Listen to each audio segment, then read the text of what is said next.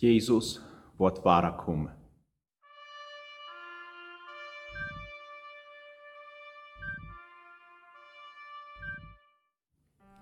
Wir sind vanavond in der Verweihnachtszeit. Und äh, zoals we dat weten, is dat een zeer drukke tijd voor ons. We äh, merken für viele Reut. Wir merken viele Einkäufe, wo wir hier haben, du haben, sein, was wir Zeiten kennen für unsere Familie, angehören. Und so äh, es ist eine sehr trockene Zeit. Wir merken Reut für Weihnachten. Und so als wir im natürlichen Reut merken für Weihnachten, so soll wir auch im jährlichen Reut merken, wenn Jesus wahrer kommt. Wir weiten die Bibel sagt uns, dass Jesus Wort wahrer kommt. So lesen wir zum Beispiel der Apostel, so werden sie tun ganz, ganz sicher. Das sagt in Hebräer Kapitel 9, Vers 28, sagt so, als Christus der einmal die Opfer ist, der Sinn von vielen wahrzunehmen, wird dann zum zweiten Mal kommen. So die Bibel ist hier sehr klar, so als Jesus einmal gekommen ist, um die Sünden wahrzunehmen, da wir sind am Wandern, Jesus, und am Vergebung Frauen, als er gekommen die Sünden wahrzunehmen. Aber da wird nicht du bloß geblieben, Jesus kommt wahrer, so als er einmal gekommen ist, kommt er wahrer. Und dann sage ich das auch in Apostelgeschichte, Kapitel 1, Vers 11. Und hier ist die Geschichte von, wo Jesus im Himmel fuhr. Und dann sind die Jünger, sie stünden durch und sie kickten, so als Jesus dann von ihnen genommen wird. Und als sie diese Stunde in dem Himmel kicken, dann mit einmal werden die zwei Engel. Und die sehen jemanden von Galiläa. Warum stehst du hier und kicken im Himmel? Das Jesus, der von ihnen wahrgenommen ist, im Himmel, so Trägum, als sie am sein im Himmel fahren. So hier werden die Engel mit einer Botschaft für die Jünger. Sie sagen, so sie Jesus sein haben, im Himmel fahren, so wird er wahrer kommen. Das ist eine ganz bestimmte Wahrheit. Die Bibel sagt das hier.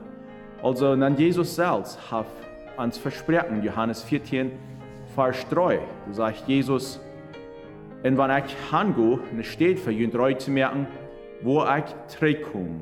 Und ihn zu mir selbst so, dass die auch kann du sein, wo ich sie. So, wir haben hier drei Verheißungen. Erstens sind es die Apostel. Sie sehen ganz sicher, Jesus wird zum zweiten Mal kommen. Dann werden es die Engel. Sie sehen, so als Jesus von ihnen genommen wird, im Himmel, so wird er wahrer kommen. Und dann Jesus selbst sind wir, ich will hij zegt, ik wil een steed voor jullie treu te merken.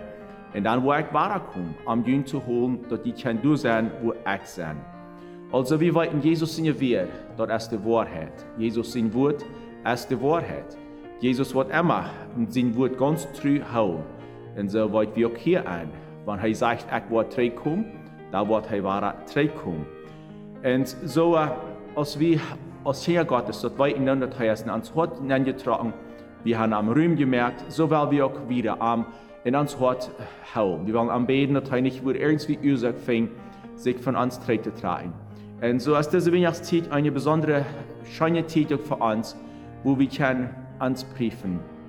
Sind ich reut, wirklich reut, wenn Jesus kommt. Da das Wahrheit, Jesus wird kommen, aber sind wir reut persönlich, wann er kommt. Wir waren dann, für so am 2003, dann zijn Bethlehem, du geboren wordt, dann viele Städte haben keinen Ruhm für Arm. Die wollen Arm nicht. Und so ist es von der noch in der Welt. Viele Menschen haben keinen Ruhm für Jesus, sie wollen Arm nicht. Aber wir wollen sicher nicht von euch sein. Wir wollen von euch Menschen sein, die am Ruhm merken und auch am immer Wort behalten und auch so leben, dann, dass am das auch gefällt und er immer was bei uns bleiben kann. Wir wollen nicht die Zeit, wann er Jesus wahrer kommen wird. Wir wollen bloß, dass er kommen wird, aber die Zeit ist nicht bestimmt. Vi måste besrøyd sein, wann han kommt. Und das har vi mit Gott sin Hilfe. Der sin Wort, weit wir, wo wir können reut bleiben. Und das sind dann, weil wir nicht weiten Charakteristik, aber wir weiten dort, wir sind reut. Und wir wollen dann können mit Jesus sein. So macht diese Verweihnachtszeit auch besonders du zu dein, dass wir innerlich uns auch äh, sicher sind. Wir sind reut, wenn Jesus wahrer kommt, wenn sein sehr wird kommen. Und so wollen wir uns freuen, wenn er wahrer kommt, um mit ihm zu sein in alle Ewigkeit.